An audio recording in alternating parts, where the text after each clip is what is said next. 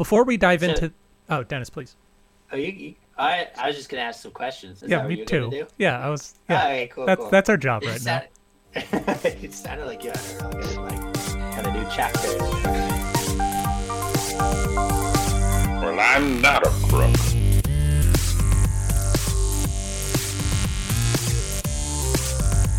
but because they are hard. Welcome to Presidential Deathmatch, the only presidential debates that matter on today's program. Country of Gnomes, Hoover Polls, and We Didn't Start a Presidential Podcast for Sexual Titillation. On today's program, Ruth McCleskey and Autumn Clack join us for a discussion of which president would be the best pole dancer, either James Monroe or Calvin Coolidge. And for that, we use a Hayes Tilden style debate, which means that people from Colorado aren't allowed to vote in it. All that and more on today's Presidential Deathmatch. Already like the weirdest looking guy and then his younger photos is like no it's arguably worse yeah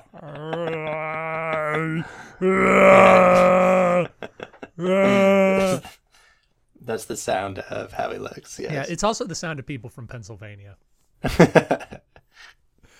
Dennis, Indeed. we we had a bit of a break last week. I just thought you and I could use a break. There was no other reason why uh, we took an unscheduled Right. break. It was just like you know, Dennis and I, you know, we're we're spitting hot truths at you week after week. Maybe this this week we can let off the gas a little. indeed but I, I did enjoy the stories that you told i listened to those from uh beneath seven blankets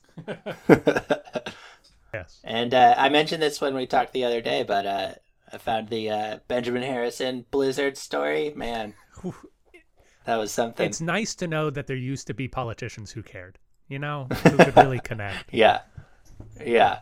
Uh, you also said Uh, that it was the ideal length of an episode for Carolyn, which I'm afraid to say, Yeah. Carolyn, this episode's probably going to go a little bit longer than 11 minutes. We'll see what we can do, but uh, Yeah, we'll try and trim the but fat. uh, hey there. De- I, uh, Dennis, oh man, I'm stuttering all over the place already. I'm unused to it. One week out of practice, I'm too flabby. I it also the- like Google Hangout like clipped a little, Oh, so for me it was like that combined with everything else, and I just didn't know what was going on. yeah. Well, I'm a bad broadcaster. Let's let's leave it at that. But I made the best joke of my life about a year ago, and it was completely on accident. I'm very upset. I was Uh, that's the only type of joke I make. I was writing a script that we were going to do live. I was doing a, a play, and I was revising it because we had done done it before, and we were revising it to put it up again. I made some changes to it, and I exported it to PDF from WriterDuet, and I sent it to the actress, the only actress who was in both versions of the show.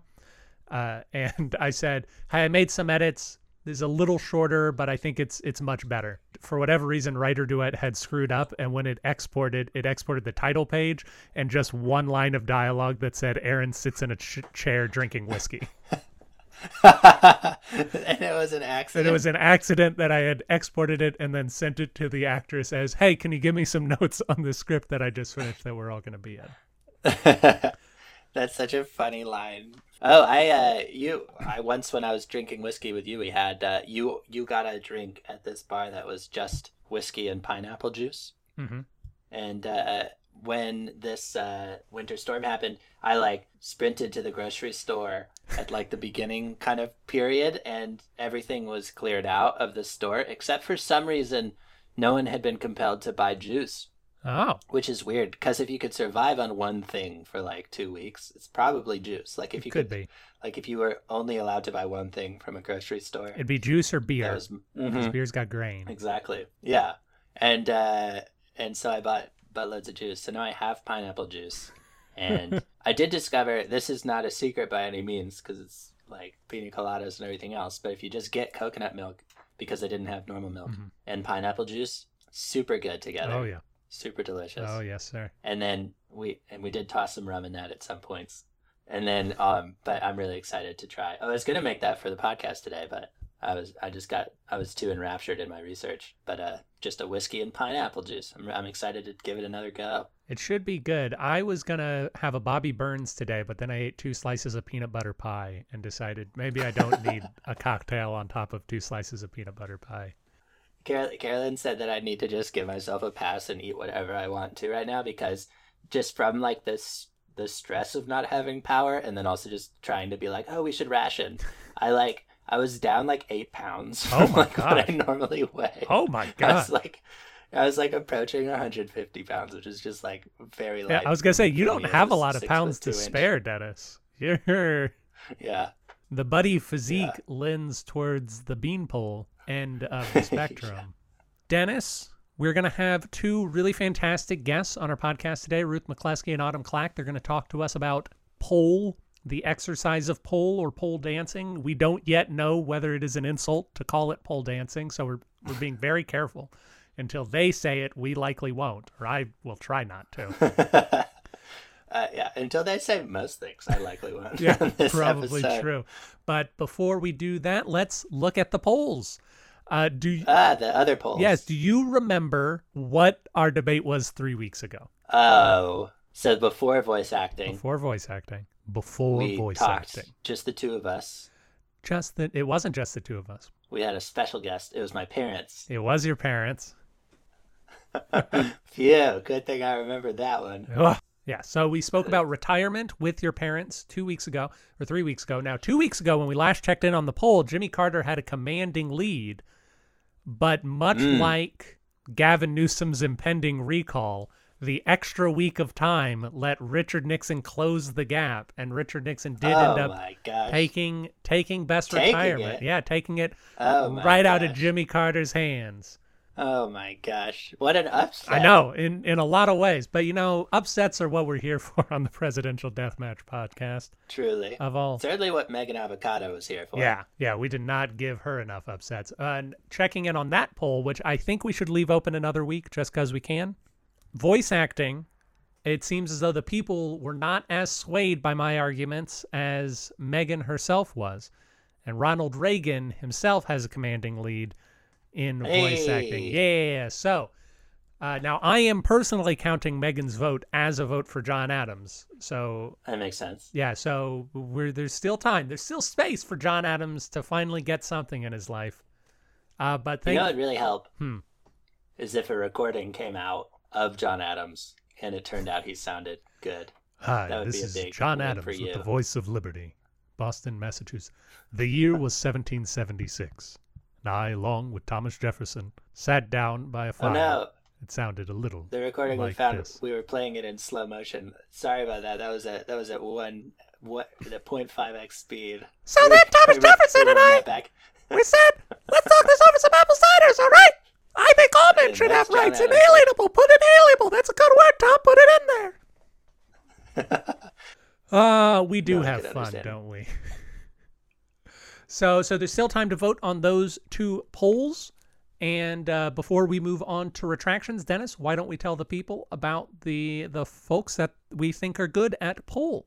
So you are talking about James Monroe today. Can you tell us a little bit about James Monroe's life? James Monroe, yes, for sure. So James Monroe is the fifth president of the United States um, from 1817 1825. And uh, there was two terms, and it was known as the era of good feelings because there were it was kind of between political party systems. So everyone was kind of on the same side in some political ways, though of course there was still little conflicts and things like that. But also just because it was firmly after the revolution, but also firmly like before, uh, like obviously like the Civil War and 1812 and all the rest. Or uh, it was after 1812. Sorry, it was right after the War of 1812. So, which was kind of like the follow up to the revolution. So it was kind of almost like at this peaceful moment of being like, okay, that's officially behind us. He was also the last president who was uh, a soldier in the revolution. Was kind of known, it, with that considered, as a lot of times he's he's thought of with Jefferson and Madison as part of this Virginia dynasty, quote unquote. And people talk about Jefferson being this guy with this insane breadth of knowledge, and uh, that's what he really brought to the founding of America. And then Madison was uh, this incredibly intelligent person and this philosopher who you know wrote the Constitution, all the rest. And then James Monroe uh, was someone who was a little more in the background for a lot of stuff, but just had the judgment that was there and the cool headedness. Um, so more, I I think, kind of falls more into this almost like soldier president category, like Mhm. um, Ulysses S. Grant, some of those. um, and it was I think the right thing for that moment.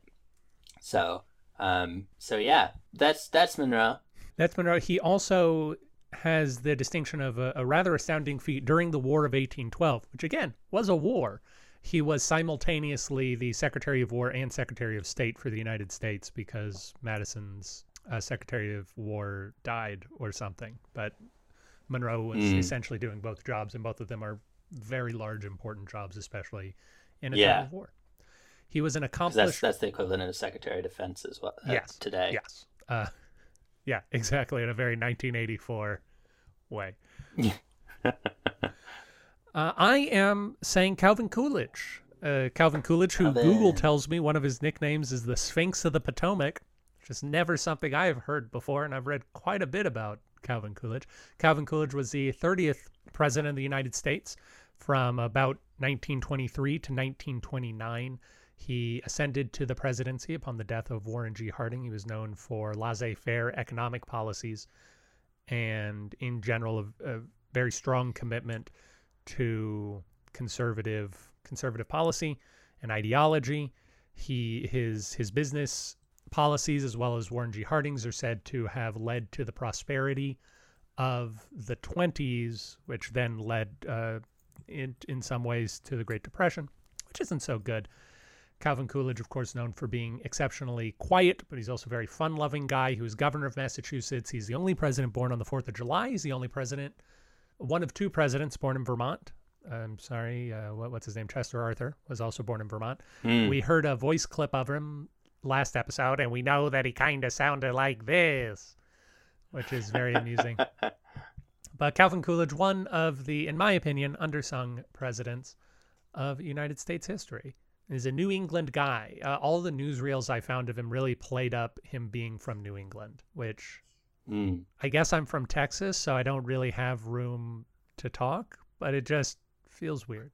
It's that much pride. Not not Yeah, the pride New so much. I didn't thing. know I didn't know that anyone thought of New England as a thing because I didn't I didn't Yeah. think of New England as a thing until I visited there two two years ago. It was definitely very much a thing when I was a kid because of the Patriots and like where in upstate New York, it's a very like identity crisis kind of part of the country where we're like, what are we? Are we New York City's like place? Are we are we like Western New York? Are we New England? and that definitely felt like it was like not okay to claim New England status, Hmm. despite Vermont being firmly like New England usually. Hmm and it's like and you know kids from vermont went to my school. That's how close to vermont we were. So it's like a little silly in retrospect. But yeah because the patriot you know because tom brady um, i feel like we started to absorb that identity. But then you'd get people some ties to the city who are like very new yorky. It's a weird place upstate new Is york. Tom Brady from upstate New York? No because the patriots are a new england team Oh, okay. So, but y'all were into the Patriots. That was your sports team more than because everyone wanted to get on the the patriots Bills. like, oh, on the bandwagon. Gotcha, gotcha. Yeah, so it's like can we claim that this is where we live right. Because because the New York teams are too New York and the Buffalo Bills are too Midwestern for you. Yeah, Naturally. yeah, exactly.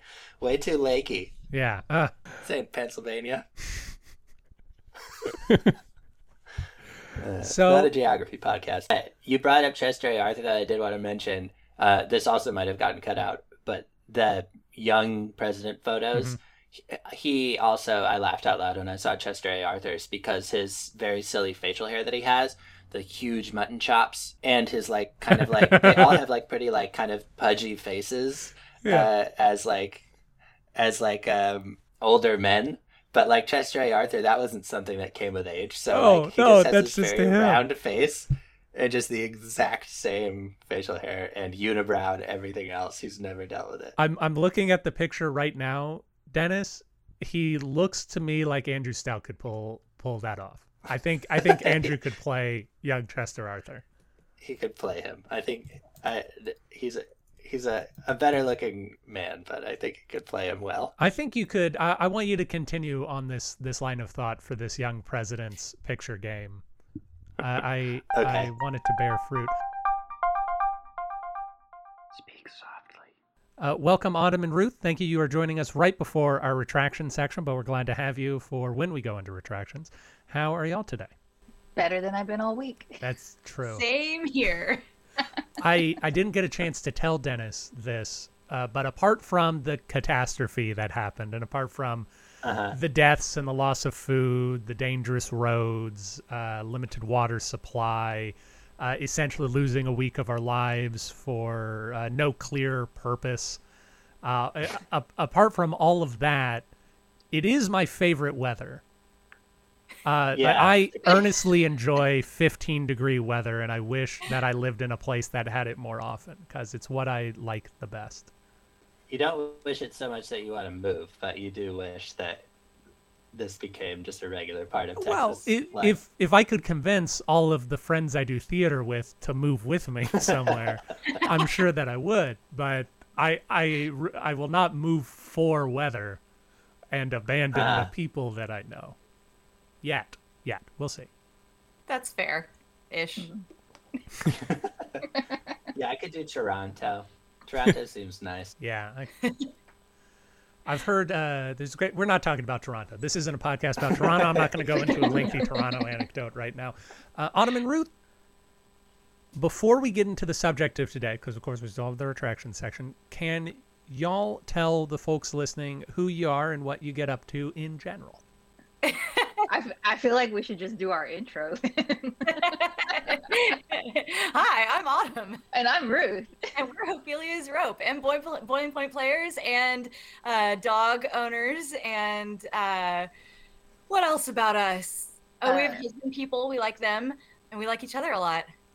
Yeah, and and we have uh 40 hour a week jobs on top of all that. Yeah. Oh yeah, I mean, details. technically it's more than 40 hours, but you know, Uh, right. That's how they Quote, get you. unquote. That's how they get you. no, but yeah, y'all are Ophelia's Rope, which is an improv duo which performs in Houston and also outside of Houston, funnily enough, and Boiling Point Players, which is a female-focused theatrical group, uh, which uh, I've I've had the pleasure of working with on occasion. But now it's time to open up retractions, and this is where we we retract things that we made mistakes on in the past because we are all fallible. Dennis, I don't have any retractions because I lost the pad of paper where I take my notes for retractions. Do you have any So- retractions? so you regret the error of losing your pad. Yeah, I regret the error of losing my notes. pad. Uh, I don't have any retractions. I, I mean, my, I guess one retraction was that you said that the blizzard at Benjamin Harrison's inauguration was not exciting, and I thought it was exciting. Okay. Uh. I don't remember. I th- thought there was something else in yours that I wanted to follow up on, but I can no longer remember what it was. Oh, but- Actually, I do remember a retraction from three weeks ago. Okay, so three weeks ago we were talking about retirements with Richard Nixon and Jimmy Carter, and I had said that Anwar Sadat Mm. came to Washington D.C. and said that if Nixon wasn't invited to a party, that he would fly out to California to visit him. I was wrong. That was uh, Vice Premier of China, uh, Xi Jinping. The Ah, at the time. Uh, the Anwar Sadat story with Richard Nixon is that Nixon, Ford, and Carter all went to Sadat's funeral, and Nixon was it because everybody was pretty depressed on the plane because they're all presidents who left in disgrace, and Ronald Reagan was super popular, and they all felt like they were just being shipped off to go to the Egyptian dude's funeral. And Nixon was apparently the life of the party on the plane. He's the guy who started mixing drinks and getting people mingling and he's the guy who sort of uh, bridged the gap between Ford and Carter and and opened up the door to their friendship later on in life. because because he was being recognized as an ex-president, so he was just like on cloud nine. Yeah, he's like, all right, finally, this is good stuff. Why the long faces, guys? It up so much. Cool plane. I just stop bringing it up so much, but his young young Nixon photo, I like he was he's it was like a it might be because it's a headshot, so it was like a very professionally done like actory photo. He looks great in his like it looks like he looks like he was maybe in like Midsummer Night's Dream or something. but it's uh it's a good one. Oh, excellent. I feel like everyone's talking about him being funny looking, but I thought he looked cool.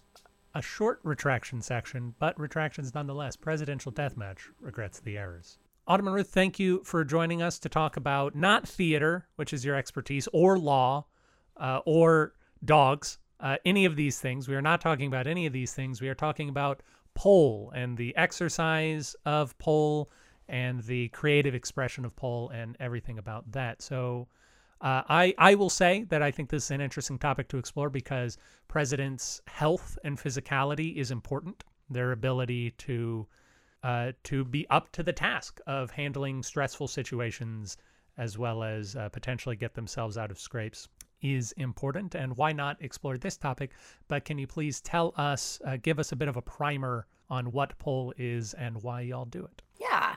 So, uh, so pole pole dancing is the uh, the art of uh, dancing around a vertical metal pole uh, for um, exercise or fun or self discovery or sexual titillation or whatever other reason one might come up with. Um, so that's what it is in general. Ruth and I have been doing it for going on, I guess, like four and a half years now.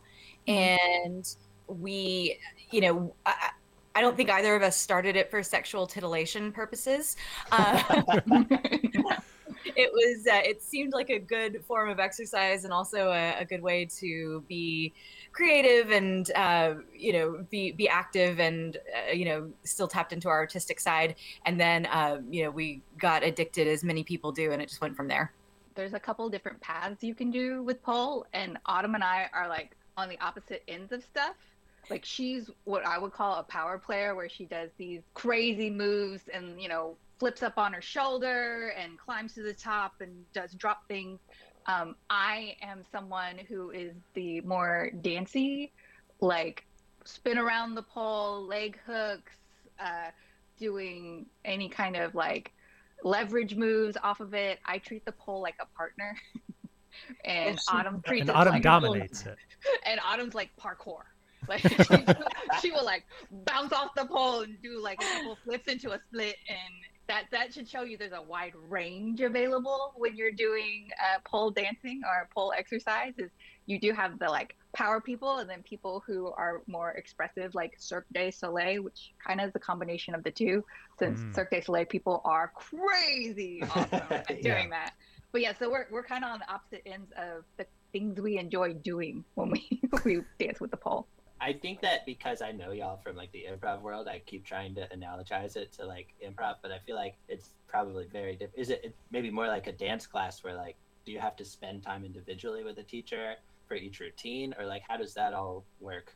yeah so there i mean there's obviously a lot of different ways you can go about you know learning it and stuff but mainly what people do if they if they didn't get started like dancing in a club then you start like you go to like a studio um, that has classes and it's usually a group class um, and there's you know it's not not huge numbers because you know they have to the instructor has to keep an eye on everybody and make sure nobody falls on their head and that kind of thing um, There are a lot of poles too. It, it has some are a lot of equipment that you need to install in the studio. exactly Yeah, true. Mm-hmm.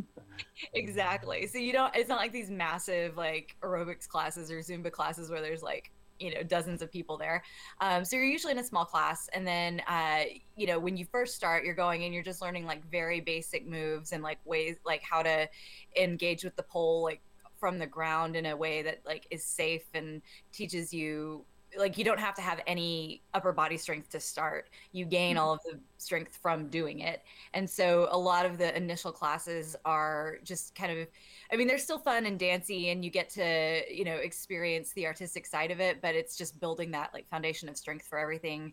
However many muscles are in the body there are those are the ones that you want that you need for pole so they just help you uh, get Uh-huh. started on that. And then you know as you advance and you, you start to get into more high end type moves um, you can i mean you can hire an individual coach and work one on one with them.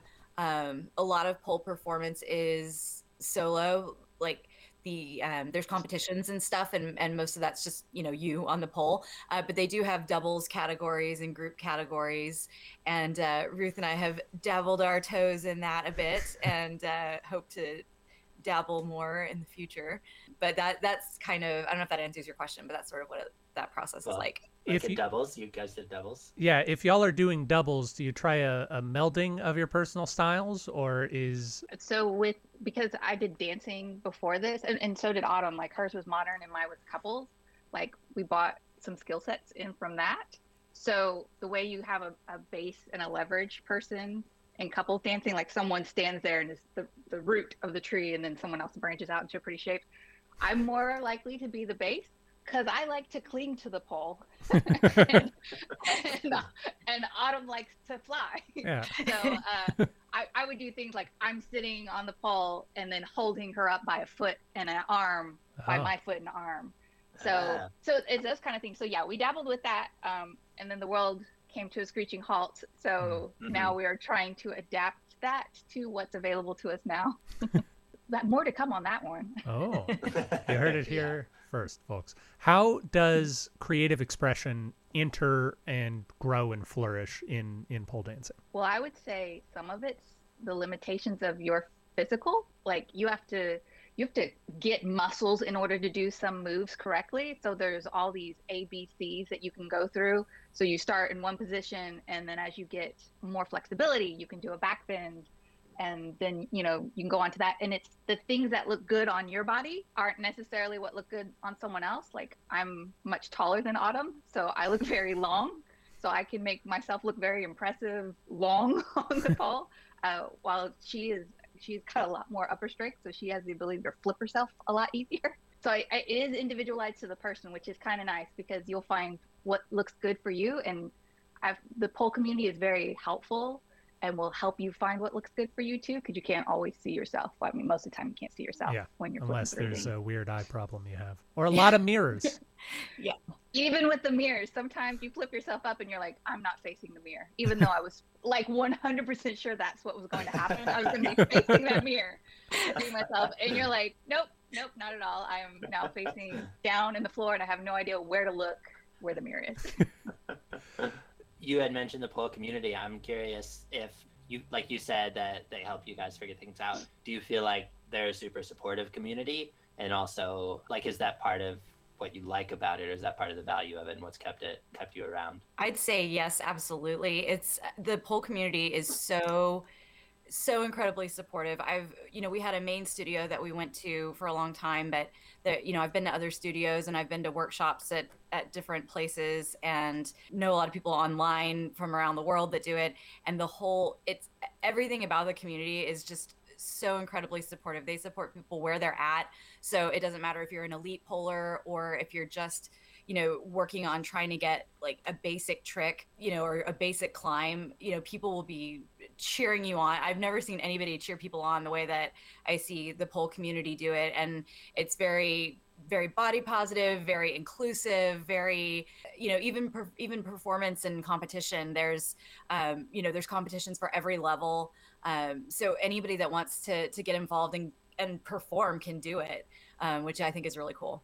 Yeah, and they're and they're very supportive even when you're like they're like just try it, you'll enjoy it kind of thing when it comes to competing. Like they're like don't worry about your scores, it's just about getting out there and having fun. And like even even like if you're having a horrible dance up there, people will find ways to support you and like cheer you on. And and you're just like it, it's such a welcoming community. You don't want to leave it. It is like finding a home of people who want you to succeed and are happy if you succeed and you want them to succeed as well like there's it doesn't feel like competition between people i mean obviously there's a competition and people win but even if the people who don't win don't feel bad about not winning um, so Yeah. that's it's it's a nice vibe to be around Mhm. Cool. And it doesn't even matter if you're if you've become friends with those people outside of the studio. Like even if you only see them at class and you're not friends with them elsewhere, when you're there, like while we're here, we're family. In competition, so I'm thinking of other demonstrative competitions like capoeira or um, other forms of martial arts that are a combination of a creative routine as well as a physical prowess. What do people look for? What do judges look for in pole competitions? Well, depends on the level and style That makes Mhm. sense. As she was saying there's a wide variety so there there's like categories for people who are more athletic and can do the really hard tricks. Um, and then there are also ones for people who are more dance like it's more about the musicality and how you hit the music. Um, and, and Autumn's done it a lot more, so she has like all the rule books and stuff. it's a long it's a long score sheet for the judges because they are in in any category they are they're looking for for um, you know musicality, uh, your character, uh, stage presence, costume to a little extent. Not I mean they're not really judging your costume, but um, you know is it appropriate to what you're doing? Does it does it kind of serve your piece well? Um, and then the technical aspects like uh, pointed toes, straight knees. Um, oh my god, those are the two worst. Uh, and you know how how much control did you seem to have in your tricks? Did you you know did you hit the the shapes that you were trying to hit um, when you're spinning on the spin pole? Did you have control over how fast you were going or how slow? Uh, so they're looking at all of that. But if you're in an artistic category, they're going to give more weight to the uh, to the musicality and the character and the concept. And if you're in the what they call well, they have different names, but like a championship category that's more mm. like the straight skill set, that's going to be like more weight's going to be placed on, the you know, on your technical execution. Mm. I'm probably missing something too. There's a lot. yeah. Seems like an there expansive pages community. and pages online. God, I love I love rule sets. Aaron's like, I will come just to be a judge. um, what what do you feel that you bring to it, or like if you had to describe the ways in which it's cathartic and beneficial for you, and like therapeutic? Maybe that's too much of like a leading question or not helpful, but if if you could think of it in those terms, is there something that you would say like, oh, this is really like uniquely like something that I like to do because X? For me, because it's good to know that after we started, both of us now have poles in our houses. Um, oh, nice. So that that that is an um, that is something to consider, right? Like if you get into this, you have to have a place to do it. And for me, it's nice to be able to dance with a partner that isn't a person. It's just nice because I can still do all the leverage moves that I like doing, um, and that person never moves, and I can do it whenever I want. So, yeah. Uh, so for for me, it is like it's just a form of expression, being able to do it, um, and like you know dance my feelings out yeah same here and then also it was it, it, for the last several years it's been something that like i always loved dancing and i i was a dance minor in college and i you know had always done it in theater and things like that and uh, but i never had the the training to really go like to dance anywhere where anyone would see me dance since I got out of school. And uh, you know, I didn't I didn't have that that technical foundation to go into like any kind of performance with it. And pole is a it's kind of a a place where you can go and you know kind of start from scratch everybody's coming to it with a different thing and you know get you know i get to be a dancer like i get to go out and mm-hmm. dance for people uh, or not for people, but um, indulge it for myself or, or put it in front of an audience. But it's something that I didn't have. I didn't have the skill set to to do that on the ground. But since it's such a specific thing, it gives me that. Wonderful. I feel like we're just scratching the surface of what this can be, but we are going to momentarily move on. Is there any other knowledge that Dennis or I should take into our debate uh, about which present would be the best pole dancer? I think you also have to take in consideration uh, pain tolerance. Um, mm. One, you are putting your body into physically possibly difficult positions. So if you aren't flexible, it's going to be hard. And we get what is referred to as pole kisses, which are terrible, awful, ugly bruises as you try to learn moves. So you really have to be tolerant of bruising and not feel weird about having bruises on your body and walking around. And also skin burns. You get every oh. every place that you any point of contact on the pole is like gripping onto the pole and so there's like there's friction and there's there's like pole burns all over and then, you know, then you're walking around and yeah, freeze on it. Yeah. And, the the more you do pull, the less clothes you want to wear, and not for sexual reasons, but because your skin is what helps you do stuff. Hmm. Like the side of your thigh can hold onto Grips. the pole while you do the splits.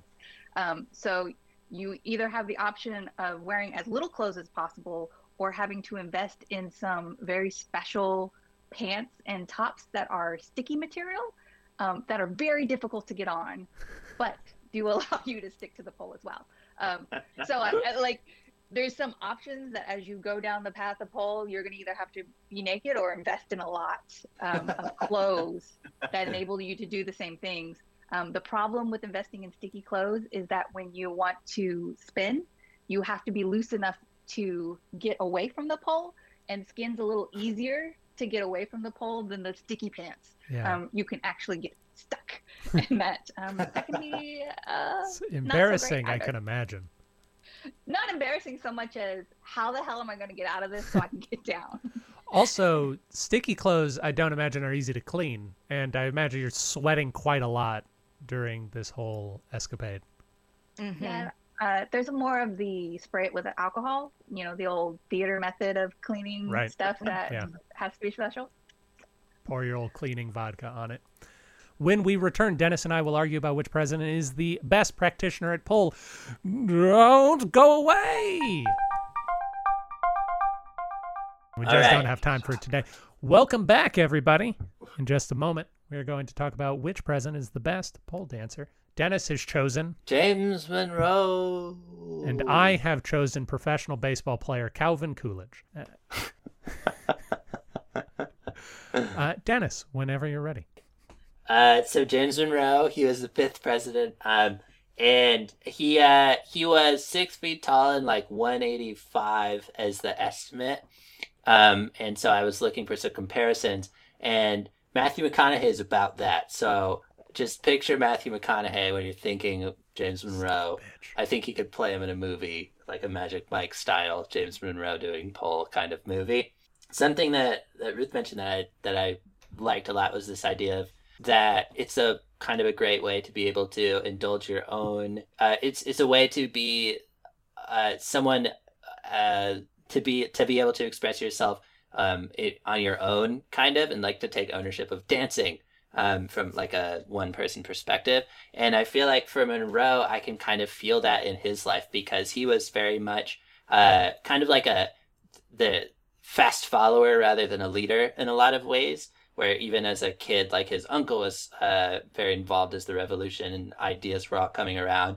And then just even at the age of 16, he was getting involved in like helping move that forward and raided the Virginia like royal governor's house and stuff. Um, and then was really involved in the Revolutionary War, but it was like under Washington and then was under like Jefferson and Madison as the government was getting formed and as they were president and everything else. But the whole time, he was just doing a really great job. And um, then when he was president, it was kind of that moment when he kind of be got to be the person who was, despite never being like that person who demanded all that attention, he was that person who finally in that moment got to show that like he had the judgment to do it and uh, and the rest. So I think that that's the first thing I want to cling to. Hopefully, I get to more in the questions though, because I have other reasons. I just expunged on one during this opening. Oh, excellent. And for Cal- Aaron Garrett for Calvin Coolidge. Still waters run deep, and few waters seemingly stand as stagnant as Calvin Coolidge, but that first appearance would be misleading. A staid public personality and adherence to conservative government concealed a private, fun loving, and agile persona which few knew. Coolidge is one of the few presidents to not have any chronic disease, wartime injuries, or degenerative disease in old age, or any other known physical impairment. Almost every single other president uh, is known to have some serious medical condition. Calvin Coolidge didn't. And uh, he was lithe and lean, about 5'10 and uh, 160 or so pounds. We don't really have a weight on him. But he was known to be a tennis player, which prizes uh, certain certain strengths, certainly. If we are talking about one's ability to express themselves through pole dancing, I would say that Calvin Coolidge, his reserved persona, is not because he didn't have things to express, but because the medium of words was ill equipped to deal with the thoughts, feelings, and emotions that Calvin Coolidge had. And that uh, if he were able to, in his time, express his thoughts through the medium of dance, uh, perhaps we would have another Baryshnikov or something on our hands with uh, the simple beauty of a Vermont apple farmer uh, showing us who he really is inside. Calvin Coolidge is certainly someone uh, who, as I said, is fun. He liked pranks. He liked having fun. He liked being part of a community. And I think, I think he's the right man for the pole dancing community to help him come out of his shell for. I think that the rewards would be great. Calvin Coolidge. while it's fresh in my mind, uh, he's an apple farmer. Is that right? Calvin Uh, Coolidge was, His family had an apple orchard. Yes, and so he spent time in this orchard. he did. Yes. So climbing trees and pole dancing can be very similar, Mhm. I think. Do we know, did Calvin Coolidge spend a lot of time climbing the trees in his orchard at any point? We do know that he was often punished by his grandmother for climbing the trees in the orchard and sent to the attic. Ah. Yes. Okay. All right. So so I'd say he did. I'd say he had the the tree climbing gene in him. Mm, okay. Ruth, do you have one? I do. For Monroe, would you say he is someone who shows perseverance? Like someone who's not willing to give up on stuff? Yeah, for sure. Even just like becoming president, pushing through, and being such a big part of fighting for independence, I think definitely uh, shows that. And I think also that kind of like fiery uh, steadfastness he showed a lot in his in personal interactions and stuff. Like he was a fairly controlled person, but he would have like he had this uh, at one point um, that I was just reading about this fellow William Crawford, who was like from Georgia in government and stuff when Monroe was president, was on his cabinet, and they were getting in an argument about something to do with paying veterans or something, and uh, Crawford like just got really mad and like threw something at him, and he was like pretty ready. He like grabbed and Monroe grabbed like a fire poker, was just like ready to like defend him, but it, he it was kind of it was said that uh while he could like basically like have that fire come out a lot of times he was usually good at harnessing it putting it into words um, and would write things um,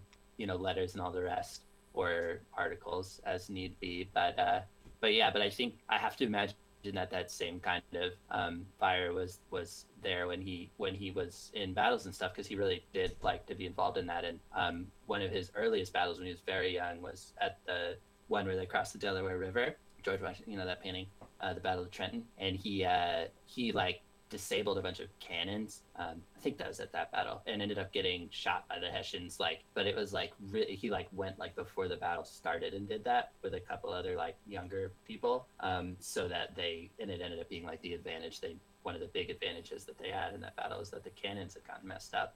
Um, and he got shot in the shoulder and severed an artery that he like healed and then was like trying to get back out there in, in battles after that as well So speaking of shoulder injuries, um, did did this shoulder and did, did this um, limit his shoulder mobility going forward in his life? Do we know?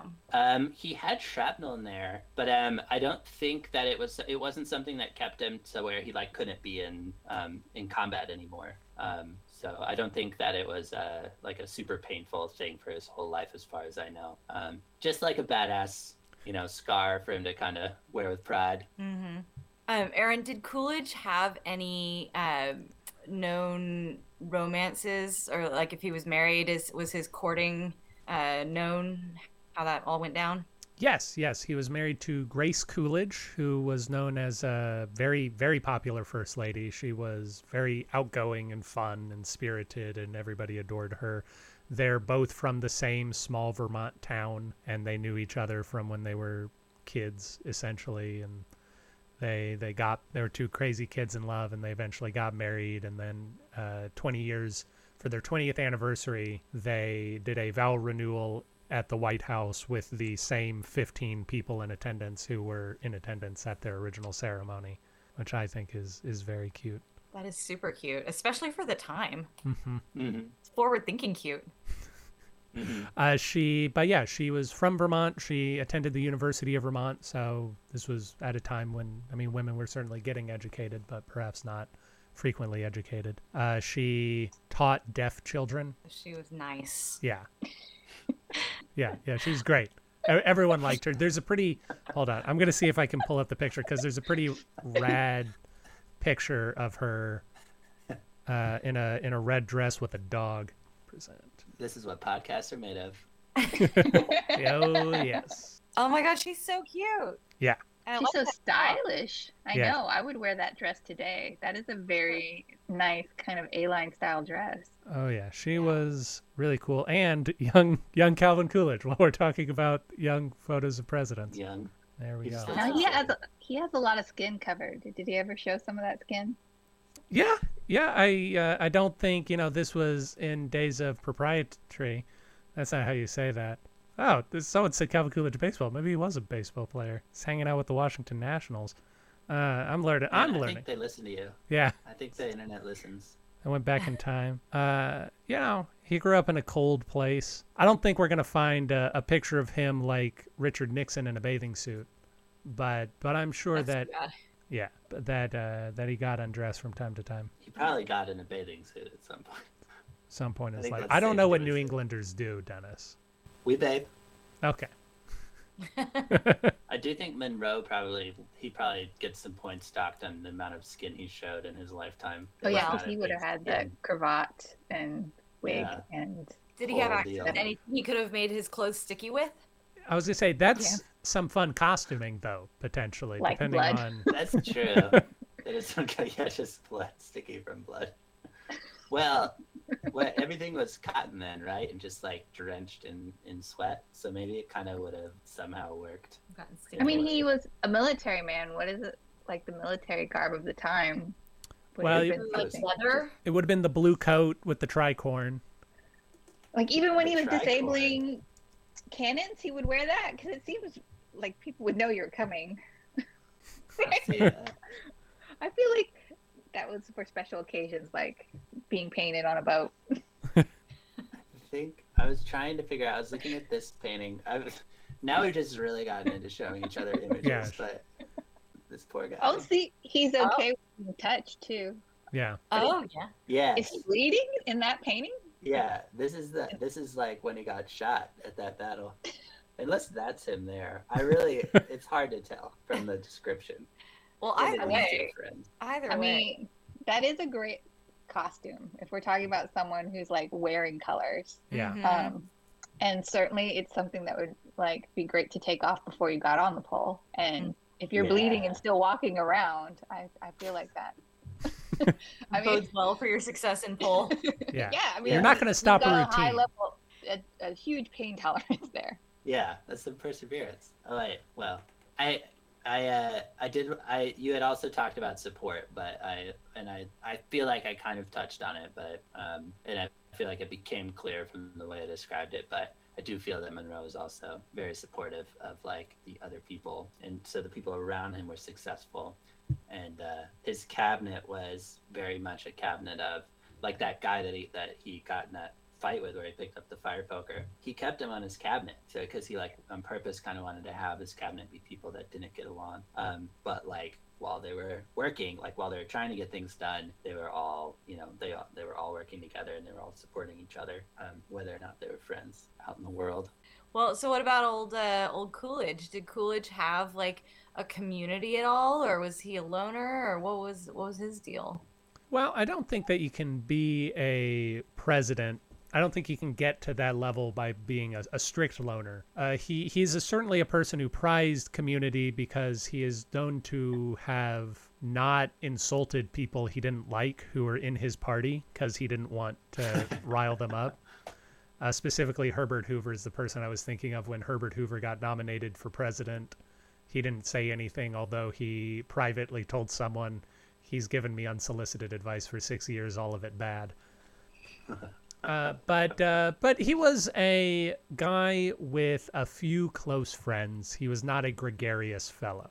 I think it is is fair to say. What about his fashion sense? Well, as long as we're pulling up pictures, on this train.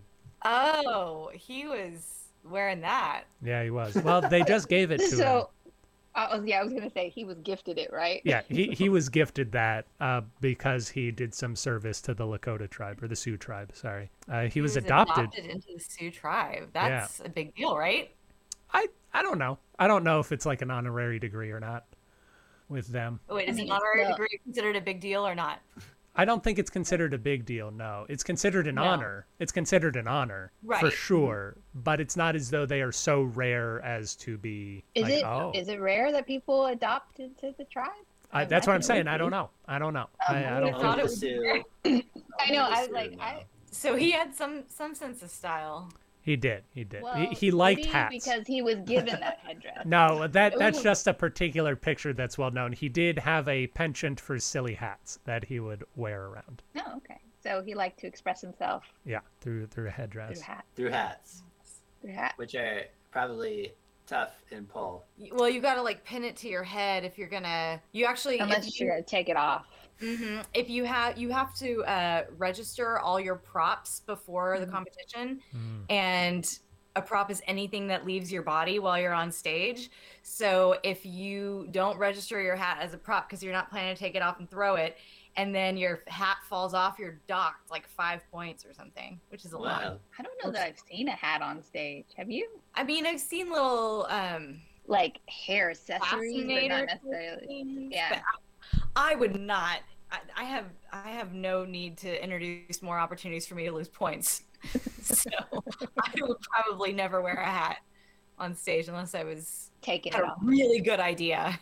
Oh yeah, I do have a concept of one where I take it off, but I take it off, so it's fine. So it's been registered, It w- yes, it will have been once this idea comes to fruition. indeed. Because normally you bow and you leave, and someone else cleans up your props. Oh, So they got to know exactly what they're looking for, gotcha. so they can move things along. Excellent. A- any other questions before we move on to our People's Party candidate? I No, I don't think so. Okay. Well, People's party. The People's Party is, of course, managed by random.org slash lists, and they have chosen Herbert Hoover as the best pole dancer. Now, Herbert Hoover's not a not terrible competition, as Dennis and I know we discussed in a previous episode. Herbert Hoover's physician created a new sport for Herbert Hoover to play uh, called Hoover Ball.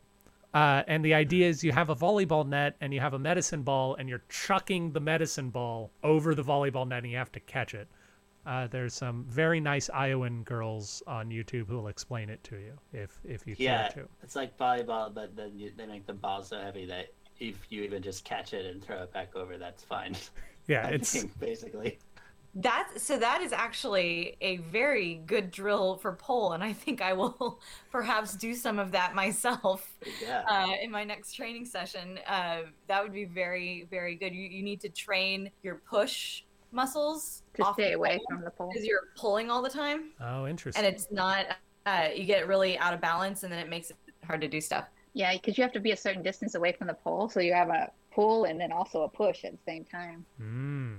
It's pretty good. And he's got a great name for a pole person. He does have a True. good- I might change my stage name to that. What? Uh, so why did the And that physician sounds- invent this game for him? Why did, can he play the regular games that already exist?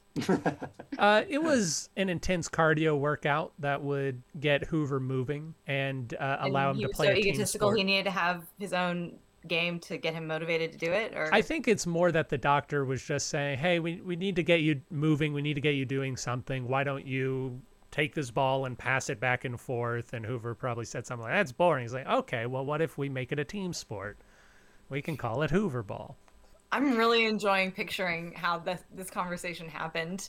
It's that's really good. Uh, well, President uh, Hoover, as you know, your cholesterol is very bad right now. We probably need you to start doing some laps or or lifting weights or something. Something. Could you get Ah, that? that sounds bad. Oh, okay, okay. I, uh, all right. don't don't shoot the messenger. I'm I'm just your doctor. I'm gonna try and figure out what my name was here in a second. Um, tell you what, we are just lousy with medicine balls. You love a good medicine ball, don't you? Don't you, Herbie? Uh, why don't? you do like medicine ball. Yeah, of course you do. Who doesn't? Why don't you just take that and go uh, with your wife Lou and just try tossing it out on the White House lawn? What? Oh, just the lawn? Was that? She? Am I treating my wife like a dog now? Well, no, I mean she's she's an active. It, it, it's like a game. It's like a game. Like, um, Game. Well, yeah, yeah. I mean, you know, uh, uh, what about uh, what what what about like volleyball? You know, volleyball, right? Yeah. Yeah, but like we're not going to be playing some namby pamby volleyball. We're going to be playing real serious volleyball with this with this medicine ball, right? This thing's ten pounds. You can't just bunt it, so you're gonna you're gonna catch it, and then you're gonna see if you can throw it over the net, and whoever drops it loses. Doesn't that sound like fun? Well, yeah. Is that is that is that a game already? No, no, No. No. So it doesn't have a name yet. It's not. It's not a game. We could call it. Name it after me, Dr. Joel Thompson Boone. We could call it Boone Ball. Doesn't that sound fun? That sounds profane. O- Okay. Sounds like uh, a sissy game. All right. Well, I I feel like we're gonna dislike that language in a in a century or so around here. So maybe let's Uh, cool. What's on the? Don't don't write that down, White House scribe. Hoover ball. Like it. Men. Come on, Quick, Luke. set up the net. The Uh, Hoover net. Uh, all right, it's just a volleyball net, sir. It's a Hoover net now. I wrote Uh, my name on it. All right, fair enough. Put things in terms of things named after me. I'll Oh no, the Hoovers are multiplying. the cell division. They will sing about you and Annie. So, Autumn and Ruth, you don't have to declare a winner. Could say what direction you're leaning in and, uh, and try to get people to follow you if you like. It's your decision. Unless it's Hoover. Right, unless it's Hoover. Uh, yeah, No. definitely not. He's, he's got his own sport. Why does he need Paul? Exactly. Fair well enough. said, Ruth. He'll just follow up with Hoover poll anyway. Terrible. Oh, I didn't know I was going to be allowed to withhold. Oh yeah, yeah. You don't you don't have to. I, Most you know, do. I'm thinking of what I'm leaning toward, and I'm thinking about how I feel like I might not be thinking of all of the sides of it, and I shouldn't shouldn't sway the opinions of people who are thinking about more things than I am. Just All like right. Or I have time to make a list like when I actually go and vote. All right. a pros and cons list. Uh, people, as I said, can find the link to the poll in the description below, and you can vote on this, and you can still vote on which president would be the best anime voice actor. That poll is still active. Well, before Poll. The poll poll. the pole poll, uh, before we go, Ruth and Autumn, where can people find out more about you, or do y'all have anything coming up, theatrical poll or otherwise? Um, you can find out more about us at affiliatesrope.com or boilingpointplayers.com. And Cool. we we post up whatever we're doing there, so feel free to check it out. Yes. And you're gonna be in a. I mean, it's already been filmed, but there's a thing. Damn it, Dennis, we forgot to talk about the movie again. Why do we keep forgetting to talk about the? We're so Talk bad about at the movie, promotion. talk about the movie. Yeah, Yeah, we have out. it. It's not too late. I, I know, but we should say it at the beginning so people know. So if you're listening to this on the day it comes out, Fix it in post. yeah, if you're listening to this on the day it comes out, uh, we are premiering a movie called Back to the Normal. Dennis wrote it. Ruth and Autumn are in it. It's it's a lot of fun. Ruth and Autumn are a lot of fun in it, and they do a lot of ridiculous things. And that will premiere on Facebook Live as well as pronoiatheater.com tonight at 8 p.m. If you're not listening to this on the day it comes out, then you can probably still catch it at pronoiatheater.com or it will be very soon on YouTube. Uh, basically, we, we have to take the recording, we're going to edit it together, and then we're going to export it, and then uh, we'll upload it to YouTube. So it should be on YouTube within a few days for sure. But it's a very fun look at what life uh, will be in uh, in 2022 and beyond. And Ruth and Autumn play a couple of newscasters uh, trying to get through some slow news years. Trying. Cool. Try. Yeah, and Joni is in it. There's a dog in that. Joni's in it. She's a very good actress. She had her film debut in 2020, and she is very excited to follow that up Credit. with another star turn. I mean, and we should note that the writer of that short film, Ruth McCleskey Makes It Out Alive, is Mm. also on this podcast. It's That's Aaron true. Garrett. that is Aaron Garrett. If you want to find out more about me, you can go to And Dennis, I was responsible for boilingpointplayers.com. I, I I watched that short film and I thought it was really great. I really do recommend going and looking that up. That's on Boiling Point Players. I'm, uh, Is it super, still- yeah, it's still on there. Um, It's and great. it's always super exciting because now when you put in my name, that's one of the first things that pops up. It's on like on the first page now Awesome. because enough people have looked at it. I'm like, yes, all the stuff that I do in my real life has been pushed down. Finally. Just- Aaron, you'll have to write me a play with my name in the titles, or not even for me. Just write a play with my name in the title to bump down my. Thank you, everybody, for listening. Next week, uh, barring weather disasters, Dennis and I will return to you for a discussion about presidential romance in that most romantic of weeks, March 4th. Uh, actually, we may need to do something else on March 4th, Dennis, but I'll talk to you about that. Ah. March 4th. Yeah. Moving forward day. Indeed. Until then, everyone, have a great week.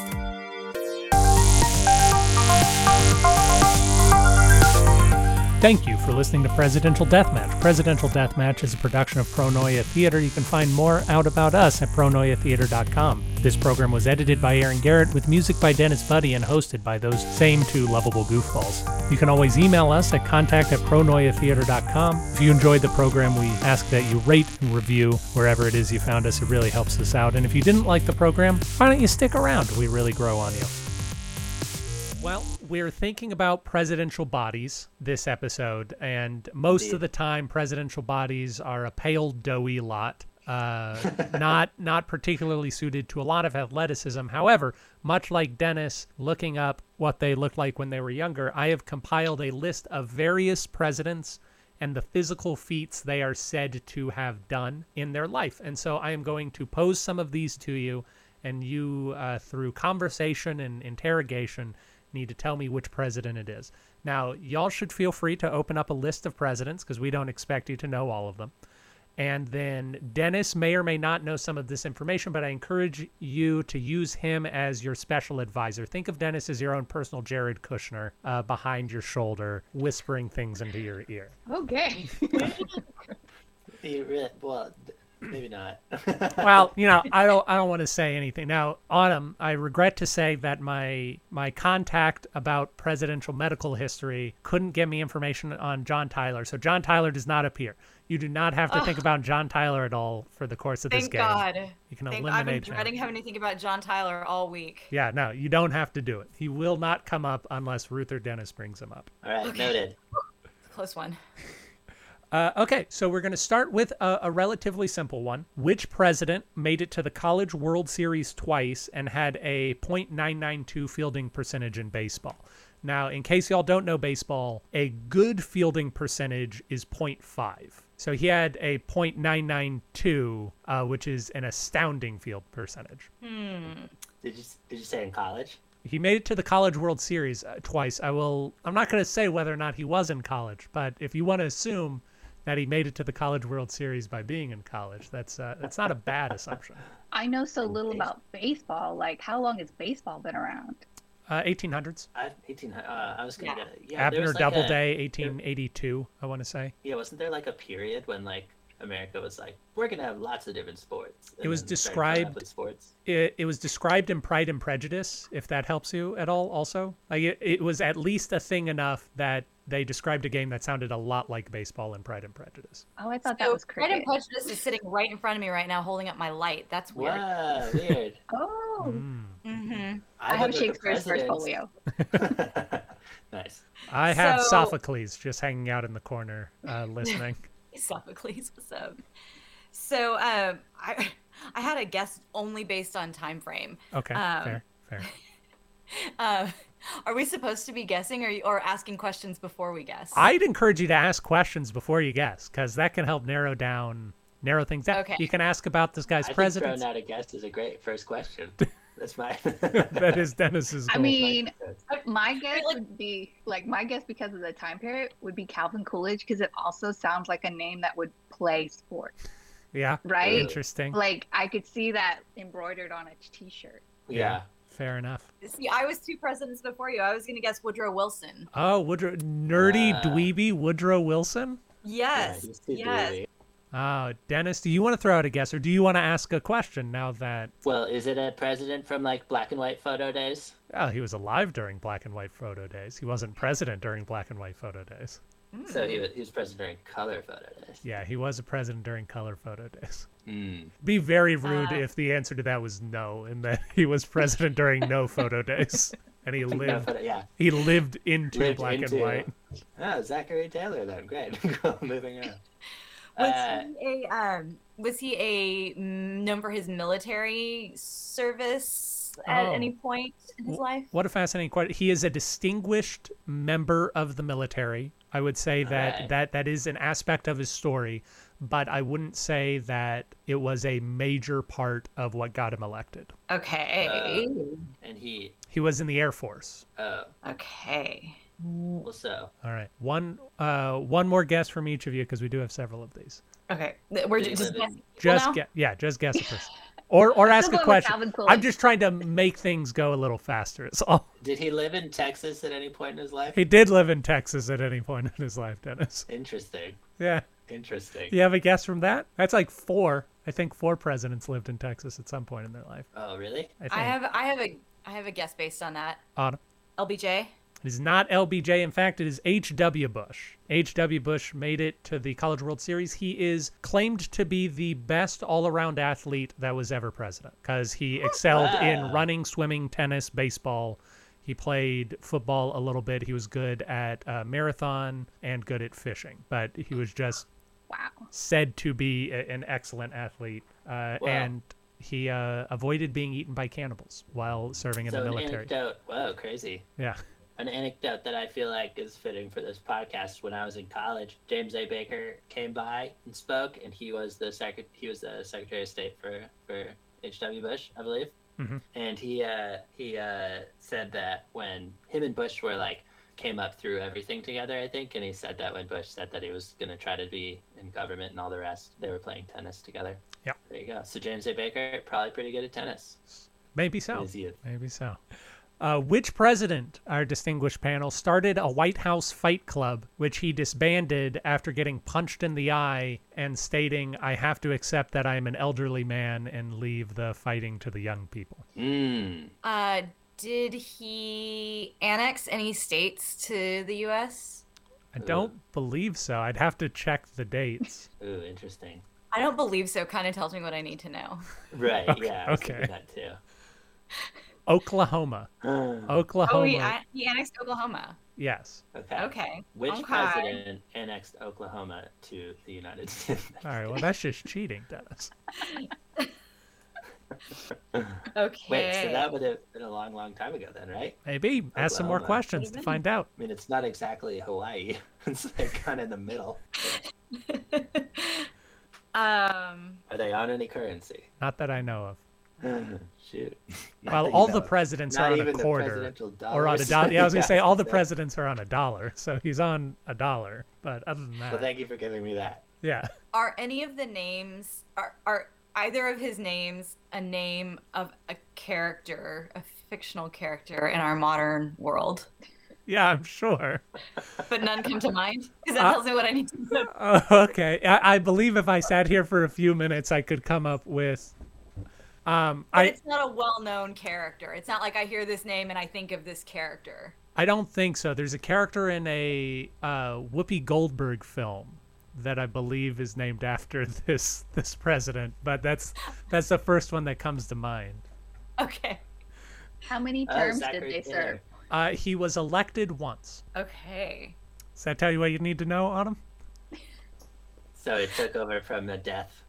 Of the I mean, maybe, maybe not. He could have been a single-term president, or he could have been a president that was elected to one term and also served out someone else's term. Uh, any guesses? Chester A. Arthur. Chester A. Arthur is an excellent choice, but no, he's a bit too much of a fancy man to to play many sports. I like it. I really don't know. I, I have no idea. I, Is it Rutherford B. Hayes? I, but before before we get any more guesses, Oh. if you had to think about a president who started a White House fight club, who who would you pick? Oh, oh, is it is it Teddy? It is Teddy, Teddy Roosevelt. Oh, really? yeah. That's that was who I assumed, and then I was like, but then Oklahoma. I was like, that would be. way too Oklahoma threw me off too. Yeah. Oklahoma was the 46th state. Only Arizona, New Mexico, and Hawaii and Alaska are newer states than Oklahoma. That is so weird. Yeah. Uh, well, it's because it was supposed to be where we put the Indians, and then we decided no, like even that will, even that tiny place, we're also going to take away. It's really good, uh, really good policy Yeah. on our part. Uh, okay. This president was quoted. Somebody dis- was describing the physical form of this president and wrote the sentence. He exuded such masculine power as frightens young women just wakening to the opposite sex. So, um, so perhaps you can use your own lives as an example if you ever looked at a portrait of a president and were frightened. John F. Kennedy. like, oh, frightened? Like, I thought it was a sexual awakening. Yeah, yeah. or are we talking? I'm gonna not ha- go with men anymore. Like, is it frightened? Oh no, it's Or, the like- sexual awakening. It's oh Okay. oh Yeah, not. I'm giving up men, becoming a nun. no no no. It's definitely it's definitely that first one. I think it's more telling of Aaron that he described that as fearful than of the second No, the word used was frightened. the The author said frightens young women, awake, awakening to the opposite sex. It is Who not was the one? What? Go ahead. I was gonna say it is not Kennedy. Kennedy's a great guess. It is not Kennedy. What? Who was the one with the bathtub? Is that Taft? That's Taft. Mm-hmm. Was it Taft? it is not Taft. It is not Taft. Although he uh, is apparently a very good dancer and he liked to surf. Oh, did I just ruin one of your later questions? No, Um, Harding was known to be a sex machine, he was known to be a sex machine. a heartthrob with his Uh-huh. eyebrows. That's true. The stone golem of Ohio, but is not Warren G. Harding. I will say all of you are in the wrong century. Oh no! All right. Is it Thomas Jefferson? It is not Thomas Jefferson. He was known as a weird, gangly looking dude. Everyone said that's a Well, weird. could, I mean, in that century, it could have been, been the thing that frightened young, Young women, women. into liking men. I don't know. Different times. That's true. Different times. I don't know what. Um. Hmm. Is, is Hmm. this man on any currency? He is on on currency. Yes. Cool. Ooh, was he known for um any particular vices? Uh, not to extreme extent, I don't think. He's known to have drank cider and whiskey Mm. for Okay. sure. Got it. Roll Yeah. out a couple more there. All right, all right. Well, what about like the vices of like adultery and violence? Uh, I think, like a lot of presidents, he enjoyed violence. He is not known as an adulterer. He was in the military. In fact, some would say that he is, even today, the highest ranking member of the American military. What? I mean, isn't that the president of the United States, right? Technically, the president of the United States is the commander in chief, but a bill was passed at some point in American history that said this person is such a good military leader that we are going to say that were he alive, he he Oh. is in fact above the president. He is recognized as the head of the American military. So if he came back alive, he He could wrest control okay. as he causes oh. hordes to rise out of Arlington. Oh. Was he the tallest? The tallest president? No, he was not the tallest president. Damn it! He was a tall president, keep known for. I will say that thinking I get it, and then no. Yeah, I will say, uh, so far, all all presidents guessed have been in the wrong century. Still, Wait, did you say cider and whiskey? I did say cider and whiskey. Did he make those things? He did make those Oh, things. was it uh, was it Georgie Poo? It was Georgie Porgy. Yay! How did I know that? I don't Little even boy remember what the question was anymore. I don't even- he lit the fire in women's. Oh, he Yeah. frightened the Yeah, lady bits. Yes. he did. Caused many a puberty to to occur. Uh, George Washington. off It it- wig. it's a very weird description of him. It's a it is a description worthy of a romantic novel, saying that his hands are like big but not rough, and that his broad shoulders give uh, like an impression of geniality. It's a very long-winded, fascinating physical description of George Washington. Fun. Which Someone was like, "This will be important." They'll be talking about this in hundreds of years. there is one And he comes back to life. Yes, he. ah, all right, General Washington. These are our uh, automated drones. How do you think we should use them? Oh no. Which president was said to, when uh, he was delivering a campaign speech and a fight broke out in and amongst the people listening, he is said to have descended from the podium, picked up one of the men in the fight, and thrown him 12 feet away from the speech, then gotten back up onto the dais to complete his speech, and also uh, was also looking for votes. And so he would go around to various military camps and wrestle soldiers to gain their respect. Wow. Hmm. Okay, This so is- that be a long time ago. I know. it- Unless it's not. Joe Biden. one. in his first senatorial Senate campaign, Joe Biden Okay. So wrestled long time ago. Vietnam soldiers. Oh wait, so not is it ne- was this during his presidential campaign or during a campaign in his career? during a campaign in his career. Ooh, Not presidential. I, I will say it was not during his presidential campaign. was it Andrew Jackson? Uh, it was no to both. It was not Andrew Jackson, although that is something Andrew Jackson would do. And it was he never lived in Texas, uh, and in fact was opposed to Texas. He did not think that Texas should. Uh, he did not think America should have gotten involved in Texas. Millard Fillmore. It's not Millard Fillmore. It's, it's a good choice though. That is a good choice. Yeah, Hmm. It's not Beast from X Men. it is not Beast from X Men. No, not President Hank McCoy. Martin Van Buren. Um, so Andrew Jack was, or uh, I'm trying to remember my people who are grumpy about Texas Mm, stuff mm. because Van Buren was grumpy about Texas, Van Buren was grumpy about Texas. That is correct. but it's not Van Buren. It's not Van Buren. He would have had to pick up a very small person and throw them. yeah. Yeah, yeah, yeah. Surprisingly enough, although Martin Van Buren was five foot six, he was three feet taller than the average man of his day. it, was, it was a country of gnomes. Now reimagine the revolution.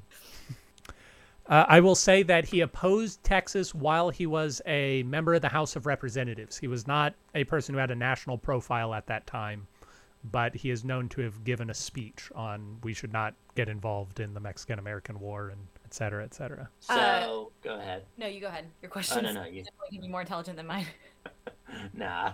I, I was just gonna say, like, just for added details, that Mhm. the Texas stuff, because it was basically like Van Buren, William Henry Harrison, Polk, John Tyler, Zachary Taylor, like that kind Oh, of. Dennis brought him up. I feel like is the potentials. I'm reading a list, by the way. Yeah, me too. is that is it one of those, Aaron? It is none of those. Oh no. As I said, he was a representative at the time. He did not have a national. He did not have national prominence. Was he involved in military service in a war we were doing at any point? There was a war while he was president, but apart from that, he was not involved in any notable military service. Okay. Hmm. So, is there a notable war after James K. Polk that we were involved in? Was he the tallest? He was the tallest president. You are correct. All right, I know it. Abraham Lincoln, of course, is is this man who is Wait, hold up. Is that even true? It is, is- your thing? it's reported. It is reported that this happened. That was not mentioned in Team of Rivals. No, it wasn't. Because it happened when he was younger. It happened No, when he, Doris Kearns Goodwin went all the way back to like birth, wherever he was. I can't remember. She did not know this story. You should call her and tell her. She can add a. had a- hold up. I just heard something. Lincoln Dunn picked up some sucker, threw him out of a ring. It was crazy. I can believe it. Look at his face. Yeah. I, mean, I just like The eye of the tiger. I'm so upset right now. Uh, and our last one for today, harkening back to our first question which president led a team or didn't lead a team, but was part of a team which won two collegiate or went to two collegiate national championships and was offered uh, professional contracts with the Packers and the Lions to play football? Ooh. Really screwed up the reading of that question. Could have done it much better. This one I know. Yeah. I think I know anyway. Yeah, yeah. I could I throw in was it well so a question I guess I'll pose is was this person ever elected? Uh, Why would you ask that question, Dennis? is that too much of a hint? Yeah, that's too much of a hint. That's the that's the thing I was wondering though. That's the person I think I was wondering about. Oh, okay. So it sounds like Dennis and Autumn have locked in their guesses. So Ruthie, you want to ask a question? Well, given what they just asked, um, no, I do not want to ask a question because I also All right. So does anyone want to brave a guess for for this person? bored. It is for Gerald R. Ford or Leslie Lynch King Jr. as he was born. What? He sounds. That sounds like a football name too. Like you know, Ford. Ford. Yeah. Uh, Dun, dun, dun, dun, I dun, meant dun, Leslie. dun, dun, I was dun, like, dun, dun, dun, Either way, dun, That's dun. why he Either way. changed it. That in- in the time period, that's why he had to play sports. That's true. It's a very boy named Sue situation. Well,